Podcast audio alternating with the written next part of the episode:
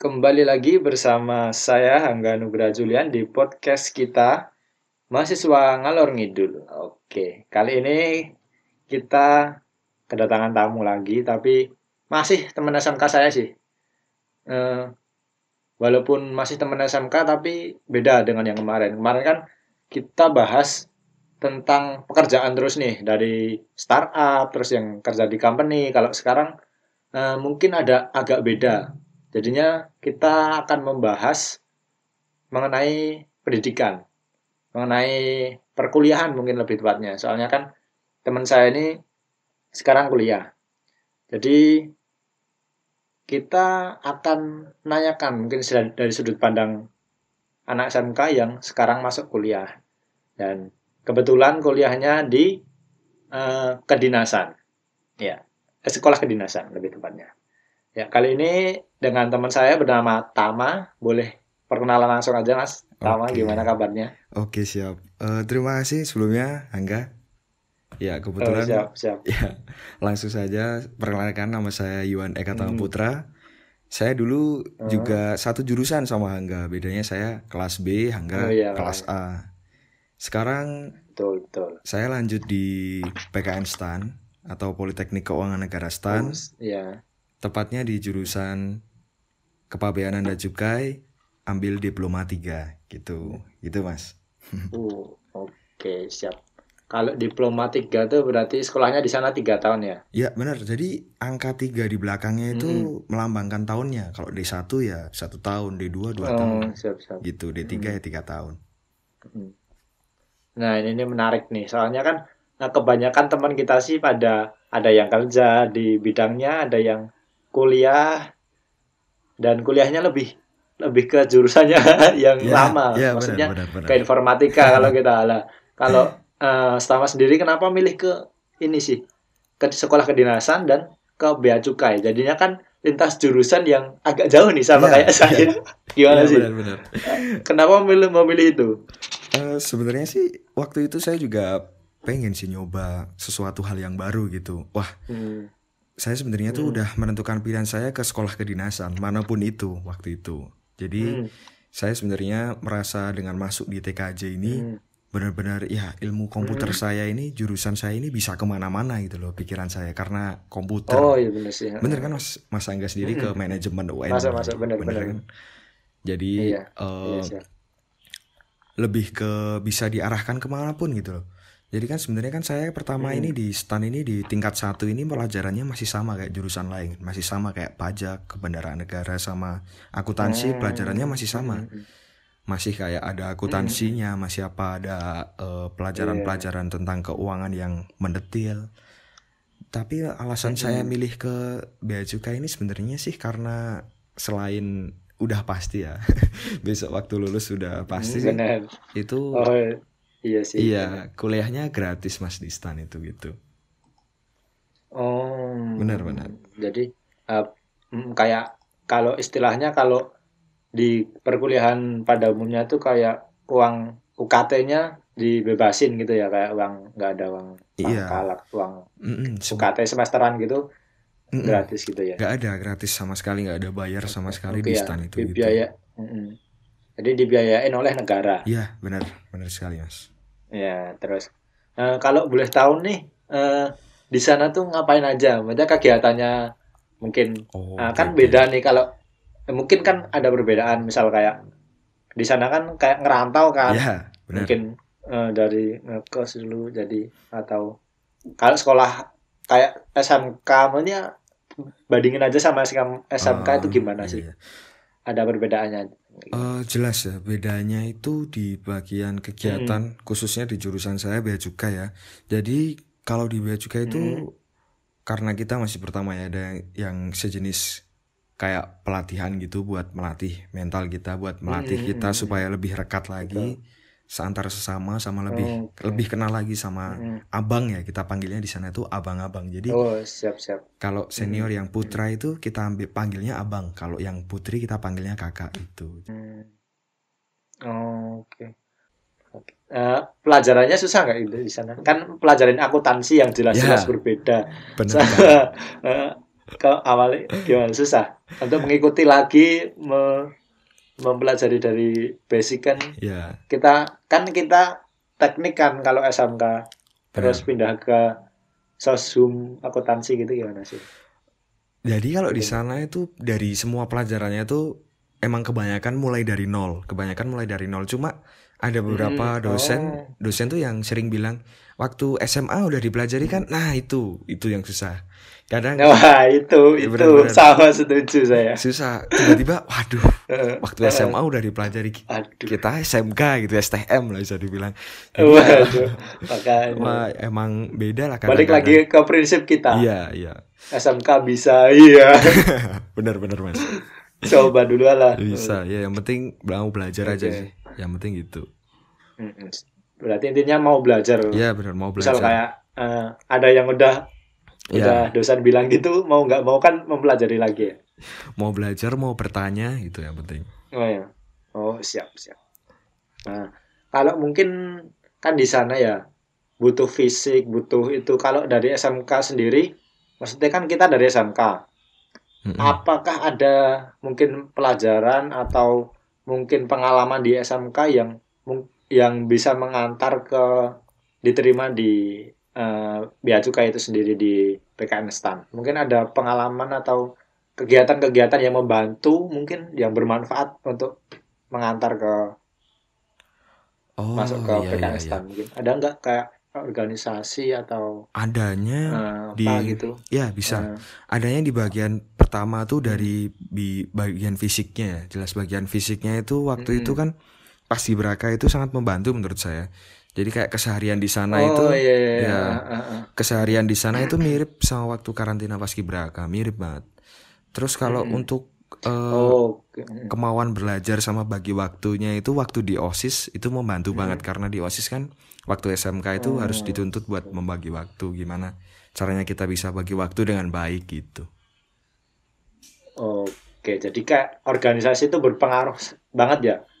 Iya, menurut saya berpengaruh Eh, banget sih. Mungkin dalam Benar benar benar. Oke, siap. Eh, siap, siap.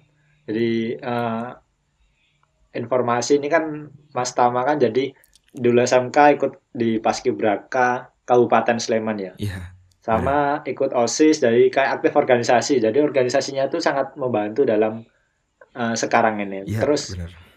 mau tanya lagi nih. Eh, itu di PKN STAN tuh kan saya secara umum ya Mas Iya, belum benar benar. Oke. belum cari-cari seperti apa maksudnya teman juga belum tak tanya itu di sana apakah ada organisasinya atau eh, cuman kuliah terus organisasinya misal kalau kalau ada tuh apa aja dan seperti apa gitu. Oke. Eh, jadi izin menjelaskan dikit ya Mas ya. Karena juga saya belum Mm-mm. terlalu banyak berkecimpung di organisasi di sana sekarang karena masih baru ya. Baru mulai masuk. Heeh. Baru mulai masuk Oh bisa iya, dibilang. iya. Tapi ada. Iya. Jadi organisasi di sana itu seperti himpunan mahasiswa jurusan itu ada empat masing-masing. Jadi kan ada empat jurusan. Ada jurusan pajak, Hmm, jurusan manajemen keuangan, jurusan akuntansi dan jurusan hmm. bea kepabeanan dan cukai. Itu. Jadi himanya Oh, iya. himanya ada empat itu sendiri. Kemudian ada badan legislatif Hmm. mahasiswa, ada badan eksekutif mahasiswa, terus ada organisasi keagamaan juga ada cukup banyak sama UKM UKM yang Oh, iya, lain iya. gitu sih mas gambaran besar Oh, organisasinya. oke. Jadi eh, secara umum sama sih ya Iya kayak mirip eh, secara umum. di universitas yang biasanya. benar-benar tapi oh iya benar-benar benar. Eh, terus kok maksudnya kan dulu kan di SMK kan aktif banget sih organisasi. Kenapa sekarang belum ikut? Atau mungkin open recruitmentnya semester 3 mungkin atau Oh, di sana lebih sekarang lebih sibuk atau gimana sih? Eh, mungkin eh, sebenarnya ada beberapa alasan bro. Sebenarnya itu pertama Oh, iya. itu gara-gara waktu kita tingkat satu itu Hmm. semester satu kemarin tuh ada model eh, pelatihan fisik. Ya jadi yang buat saya benar-benar eh, ya oh, mm, kita harus bisa ngehemat tenaga dulu lah di semester ini. Dan untungnya juga open Oh, recruitment oke. baru dibuka waktu kita semester mau semester 2 gitu. Jadi ini baru habis Oh, selesai open iya, iya. recruitment gitu selain itu sih oh iya paham. selain itu karena jumlah apa namanya mahasiswa jurusan bea cukai angkatan saya itu cuma 25 orang. Jadi kita benar-benar dituntut buat ya uh, harus bisa membagi diri masing-masing ke jurusan ini uh, ke apa namanya? organisasi ini organisasi oh. ini gitu. Jadi pengennya tuh kita ada di semua organisasi oh, iya. dengan jumlah terbatas gitu. Jadi cukup Ya. Oh ya, jadi merata gitu ya, ya orangnya di sih merata di gitu. organisasinya. Gitu. Oh ya, tapi iya benar sih. Bener. Oke, terus uh, mungkin kalau di PKNS Tan kan ada yang tiga tahun, ada yang satu tahun ya, kan yang di satu. Jadi ada dua dua program itu kan di satu sama D tiga ya. Iya, ada di empat juga sebenarnya. Oh ada di empat. Iya ada di empat terus itu sistem kalau lulus itu gimana? Terus mungkin penempatan oh, atau iya, iya. kita Boleh. masih harus uh, gitu boleh diceritain ya. secara katakan di umum gitu ya, kan mungkin boleh. kurang aware siap uh, kalau info dari abang-abang ya dari abang-abang sama kakak-kakak yang udah mm -hmm. kebetulan udah lulus terus balik ke stan lagi uh, mm -hmm. jadi gini namanya tuh kalau gitu tuh kita antara pendidikan satu tahun sama tiga tahun tuh dan pendidikan yang di empat itu beda banget tiga-tiganya itu yang jelas di satu cuma satu tahun mm. dan dia cuma kuliah dua semester kan satu semester awal dia benar-benar hmm, kuliah. Iya, iya benar. Iya. Semester kedua tuh dia udah persiapan PKL, persiapan penempatan, surat-surat dan lain-lain itu udah harus disiapkan. Hmm, hmm, hmm, hmm. Dan dari rentan wisuda sampai penempatan tuh antara 2 sampai tiga bulan maksimal gitu. Nah, hmm. kalau untuk yang D3 kita harus kuliah selama 6 semester ya jelas. Tapi di semester 5 hmm. ke semester 6 itu nanti ada uh, eh, PKL. Itu namanya PKL kayak oh, magang okay, okay, ke kantor-kantor oh, iya, kantor-kantor cabang yang hmm. Kementerian Keuangan yang ada penempatannya pun sama hmm. sekitar 2 sampai tiga bulan atau mungkin kalau Kementerian Keuangan butuh satu bulanan udah langsung bisa hmm. gitu kalau untuk yang terus kalau D4 D4 itu terakhir pembukaan yang bisa dari nol maksudnya bisa dari tingkat satu masuk ke D4 tuh setahu saya 2017 kalau saya nggak salah kalau nggak 2017 2016 oh kalau sekarang Oh mulai ada D4-nya itu sendiri. Uh, ya terakhir D4 bisa dimasukin dari tingkat satu. Maksudnya sekarang itu soalnya D4 harus mau masuk D4 posisinya harus jadi PNS dulu. Itu. Oh. Ya, sekarang gitu. Itu. Penempatan yeah. gitu. D4-nya ini cuma ada satu jurusan aja, D4 akuntansi. Oh. Itu harus PNS dulu. Okay, okay, gitu. Okay. Dan di D4 ini Jadi pendidikannya ditempuh selama 2 tahun buat D4 gitu setara S1 hmm. sih sebenarnya. Oke, paham. Paham, paham, paham sih. Jadi uh, bisa tak simpulin yang kalau D1 itu mungkin materinya lebih padat. Ya. Enggak sih? Benar-benar. Ya, sih? Lebih padat, lebih padat. Ya, materinya materinya lebih benar. padat terus mungkin waktunya kan lebih sedikit terus ya. untuk mengurus surat-surat penempatan. penempatan. Jadi nggak ada magang itu sendiri ya. Jadi nggak ada program magang itu ya.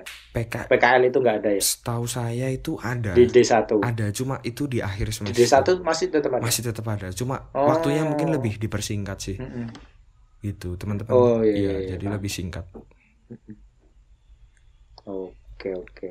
Terus uh, kan tadi udah kegiatannya ya secara umum. Iya, iya. Terus saya mau balik lagi nih balik lagi ke awal okay, kenapa siap. milihnya ke PKN PKN stan sih yeah. maksudnya dan jurusannya bea cukai kan ada kalau sekolah kedinasan kan banyak yeah, dan juga mungkin kalau saya tahu kalau untuk yang sejalur dengan uh, eh, IT kan mungkin ada yang kayak sandi negara mungkin kan yeah. lebih ada yeah, benar. hubungannya atau yang lainnya kenapa milih ke stan dan itu bea cukai sih Uh, sebenarnya waktu itu saya bukan tujuan pertama saya itu bukan ke STAN, tapi saya milih ke STMKG sebelumnya. Hmm. Karena di STMKG itu ada Ke mana ke mana? STMKG. STMKG. Ya, sekolah, sekolah tinggi, tinggi meteorologi, meteorologi, klimatologi, geofisika. Jadi geofisika. masuknya oh, ke ya. BMKG oh, nanti. Ya.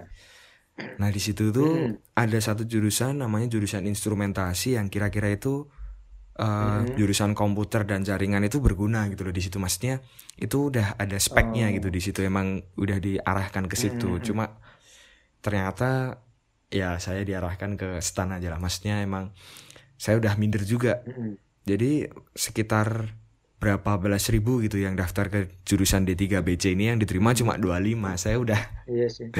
udah sebenarnya udah minder cuma iya, ya makanya. alhamdulillah aja. Uh, aduh Gitu. setahu saya tuh stan tuh persaingannya sangat Ya, ketat sekali itu. Waduh, se- sebenarnya mantap tuh bisa lolos ke iya kalau dan diperumpamakan suatu iya. kalau diumpamain tuh gini mas kayak kita mungkin mancing di sebuah apa mancing ikan di sebuah kayak kolam kecil gitu tapi mungkin ikannya ya Iya. itu itu aja sama mancing di laut dengan ikan yang lebih Iya. besar. Tapi pendapatannya lebih maksudnya peluang pendapatannya lebih kecil. Nah tapi saya milih ke lautnya itu aja gitu. oh iya sih. Karena lebih oh bener bener bener. Masuk Iya. ini. Aduh mantap ini. Lebih Eh, menantang. istilah filosofis ini. Iya benar benar benar ini saya. Tapi eh, oh iya sih benar benar kirain kan tadi kan eh, ke apa STMKG tuh daftar juga. Soalnya kan saya kan setahu setahu saya kalau eh, sekolah kedinasan itu cuman boleh memilih satu. Oh, ternyata nggak jadi ya jadi STMKG malah pindah. Maksudnya nggak jadi ke daftar di sana langsung ke iya saya nggak stan gitu ya? nggak sempat daftar di STMKG emang nggak nggak nggak Hmm, daftar gitu ke sana. Jadi langsung ke standnya Heeh. Ya. Nggak ada eh, minat untuk di univ yang biasa gitu, maksudnya negeri atau swasta yang selain sekolah kedinasan mungkin atau nggak minat untuk bekerja gitu, melanjutkan Eh, di jurusan yang sudah Iya. kita ada di SMK. Kenapa? Heeh. sebenarnya Nggak tuh nggak ada kepikiran sama sekali gitu. kalau ke universitas negeri itu jujur hampir nggak ada sama sekali ya jujur ya hampir nggak ada sama sekali Oh. Itu kayak- Iya, soalnya soalnya kan seingat saya ya kan dulu tak tanya Tam nggak daftar itu apa namanya eh UTBK enggak daftarnya eh stan tok wah Iya. ini wah percaya Iya. diri sekali ini benar benar benar Wih, ternyata masuk ini. Mantap sekali. Iya alhamdulillah bener waktu itu emang saya nggak daftar daftar apa apa bener waktu itu saya ingat banget Eh, eh, pas awakmu takon yang masjid kae bro. Iya bener sih. Oh iya benar. Oh, itu tanyanya kamu di masjid? Waktu itu benar-benar langsung saya jawab. Heeh. emang saya cuma daftar stan aja itu waktu Iya. itu karena Hmm. sebenarnya kalau misalnya saya kuliah di kayak gitu mungkin ya mungkin saya milih universitas terbuka terus saya cari kerja. Mungkin kayak gitu mungkin ya kalau misalnya saya nggak keterima di stan oh iya paham paham gitu. Mungkin sih kayak gitu. Oke. Eh, kalau untuk opsi selain dulu selain di stan mungkin kerja, mungkin kerja di bagian IT lagi atau yang penting kerja atau gimana sih? Di bagian apa? oh iya. Mungkin kan kalau kemarin Angga kan di web developer di startup, kalau Aska kan dia IT support di apa namanya di suatu corporate. Mungkin kalau kerja di bagian apa gitu? Oh, kalau kemarin kan sempat magang di Jogja Medianet di bagian helpdesk ya. Toh juga orang-orangnya menurut Oh, menurut saya tuh ramah lah, nyaman. Terus pekerjaannya juga enak dan itu bisa Hmm. misalnya kita sambil ngerjain tugas tuh bisa gitu loh waktu kita jaga helpdesknya itu. Hmm. Jadi mungkin saya tetap lanjut di situ karena emang sebenarnya udah dapat tawaran juga cuma saya mikir saya bilangnya mau ke stand dulu nyoba dulu gitu. Oke oke oke oke. Yes, oke. yes. Jadi udah ditawarin, maksudnya sebenarnya walaupun nggak diterima di stan sih udah ada eh, cadangannya ini udah ditawarin kerja di Jogja Medianet tadi ya. Iya, benar. Di situ. Ya, Oke, mantap mantap mantap. Oke, saya senang ini. Soalnya kan kalau menurut saya sendiri ya juga SMK itu juga punya keunggulan walaupun kita sekolahnya empat tahun kan lama, Iya. tapi eh, kita tuh lebih tenang walaupun ah ini kan daftar kuliah yang lain tuh kalau kalau SMK setahu saya teman-teman saya yang SMK SMA itu kalau nggak keterima tuh kayak sedih Iya. terus Emang, emang. itu terus kalau kalau kalau saya sendiri kan pemikirannya kalau nggak diterima kuliah ah ya udah sih kerja Iya, aja lah apa Benar, benar. Soalnya nganggur nganggur setahun kerja udah, juga udah pernah itu iya. Benar. benar, Eh, benar. kan. Terus eh, kalau mungkin kan ada adik kelas kita juga ada yang dari SMK, ada yang dari SMA. Mm-mm. Mungkin kan ini kan stand peminatnya sangat tinggi ya. Ya, Sekolah kedinasan favorit. Mungkin ada tips-tips untuk eh, biar eh, bisa diterima atau yang tips-tips biar belajarnya atau atau suatu Iya. kegiatan yang bisa mengantarkan ke Hmm. masuk di sekolah itu. Kalau tips sih menurut saya pertama kali itu jelas tuh tentukan tujuan pasti kalian gitu loh. jangan sampai uh, hmm. kayak aku pengen ke sini ah nggak jadilah aku pengen ke sini ya nggak jadilah. Maksudnya kayak nggak pasti gitu loh tujuannya. Pastikan dulu tujuan kalian terus tujuannya dipastiin dulu terus habis dapat tujuan kita sendiri kita rembuk sama orang tua. Orang tua setuju dapat restu dari orang tua baru melangkah ke jenjang yang selanjutnya. Kalau misalnya orang tua nggak setuju atau gimana kita berarti perlu mikirin itu bareng orang tua ke depannya gimana gitu yang jelas yang pertama restu orang tua menurut saya habis restu orang tua siap. Kalau dari saya sendiri, hmm. saya dulu waktu belajar tuh nggak terlalu hmm. ngoyo lah bisa dibilang. Ya mungkin Mas Angga, oh, oh, iya, iya. oh, Mas Angga tahu sendiri lah waktu kita di SMK kayak gimana. Oh iya, benar sih. Kita ya. kan juga ada beban iya, benar, untuk, benar, ya benar. bukan beban sih, tanggungan iya, untuk tanggungan. melanjutkan pekerjaan. Waktu untuk menyelesaikan magang. menyelesaikan tanggung jawab sih. Ya menyelesaikan magang. Intinya. Jadi ya uh, belajarnya iya. bukan bukan sesempatnya tapi disempetin. Cuma jangan dipaksakan gitu. Jadi ya waktu oh, siap, itu saya belajarnya sih dua hari sekali. Karena satu hari di antaranya itu di saya selingin olahraga juga. Karena saya juga perlu persiapan fisik buat tes fisik juga kan jadi belajar oh, ya okay, okay, okay, yeah. belajarnya nggak perlu terlalu lama mungkin yang penting pagi hari sih menurut saya sekitar sebelum hmm, subuh hmm, hmm. sholat dulu terus habis subuh bentar udah gitu aja jangan nggak usah lama-lama yang penting itu efektif siap, gitu siap, siap. Terus okay, okay. menurut saya sih bentuk kelompok belajar ya sama teman-teman misalnya biar bisa tukar informasi juga yes, biar nanti mm -hmm. uh, kalau ada informasi apa tuh bisa langsung cepat dapat infonya gitu uh, mungkin informasi buat teman-teman yang mungkin dengerin ini juga yang dari adik-adik di STEM Bio iya, khususnya iya. itu bisa langsung aja uh, apa namanya kontak antara tiga teman kita ya misalnya karena abang-abangmu ini tuh juga ada gitu loh yang pengen ngerangkul tapi kita nggak tahu siapa yang mau dirangkul loh gitu. oh siap ya iya. tahu sih paham kalau setauku juga ada di sekolah-sekolah lain jadi ke, ke kelasnya yang sudah masuk ke uh, kuliah itu ngerangkul adik-adiknya yang iya, mungkin benar, benar, benar.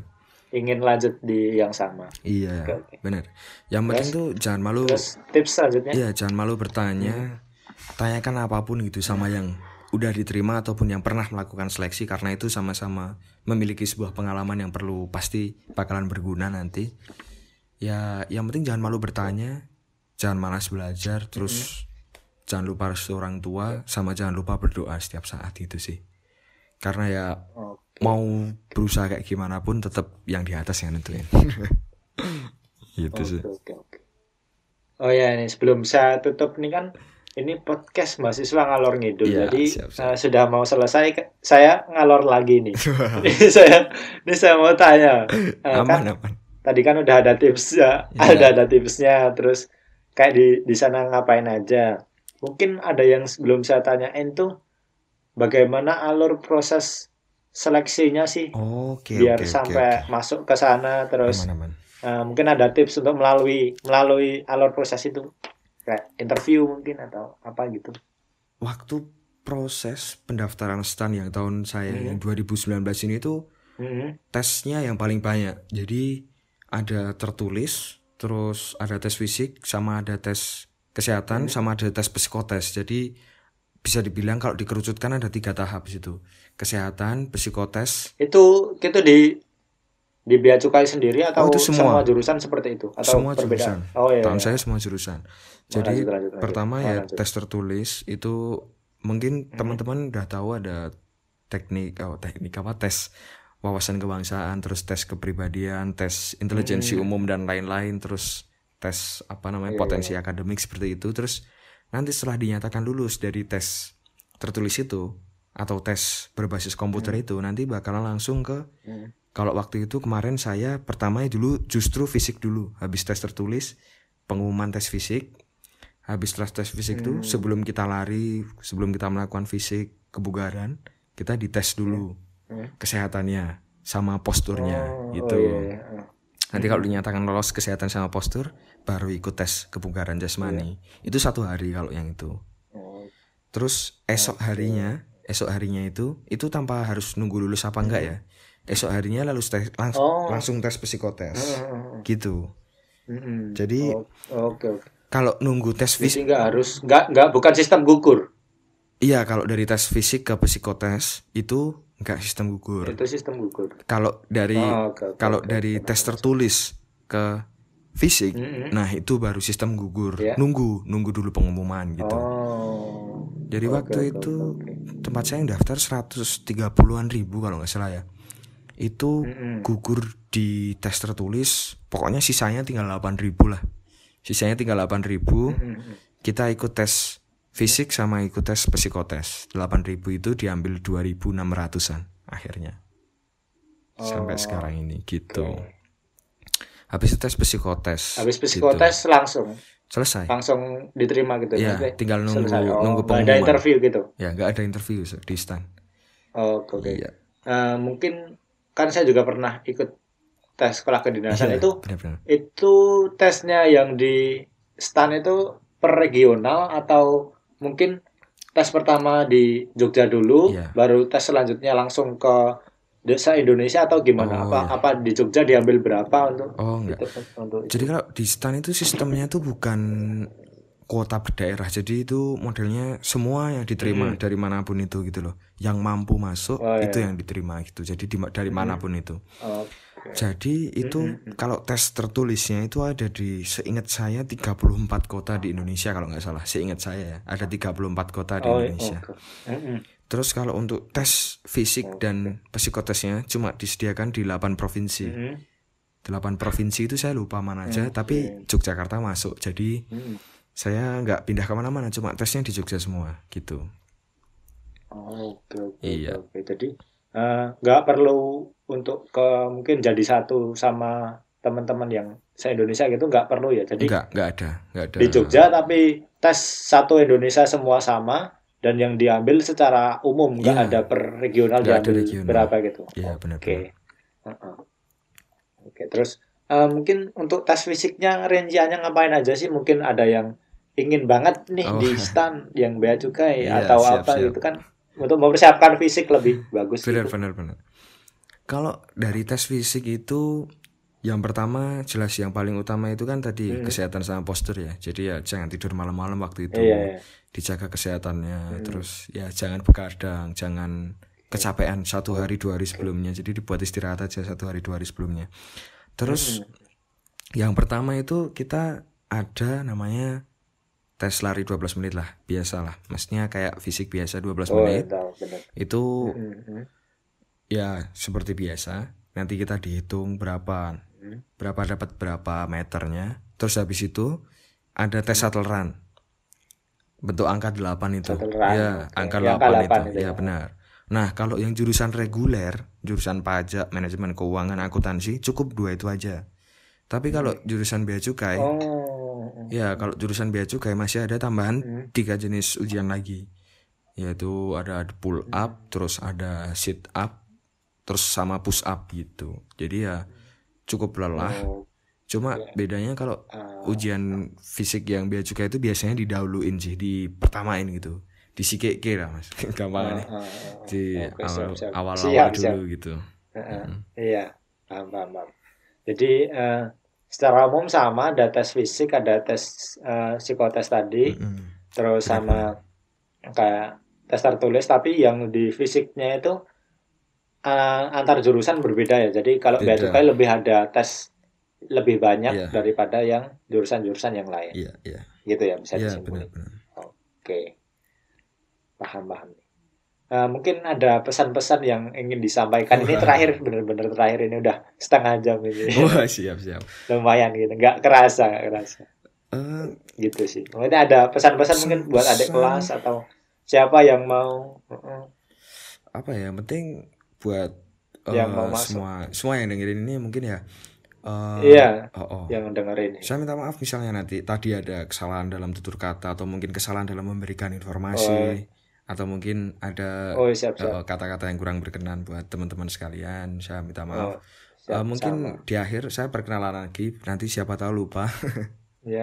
perkenalkan nama saya oh siap boleh boleh iya perkenalkan nama saya Yuwana Katama Putra saya tadi udah oh, dijelasin oh, iya. temannya Mas Angga di SMK saya yeah. sekarang lanjut yeah. di STAN jurusan Bea Cukai di tiga gitu. Kalau saya oh, alamat rumah saya yang di sini di Harjo Binangun Pakem Sleman mungkin kalau tahu ya.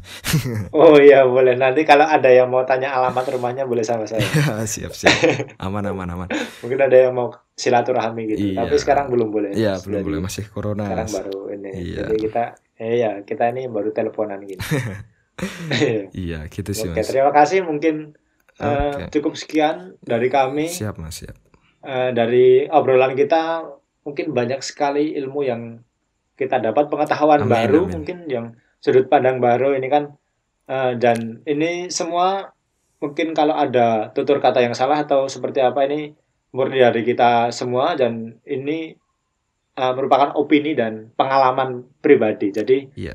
uh, mungkin sekian dari saya sendiri selaku apa namanya yang punya podcast asik.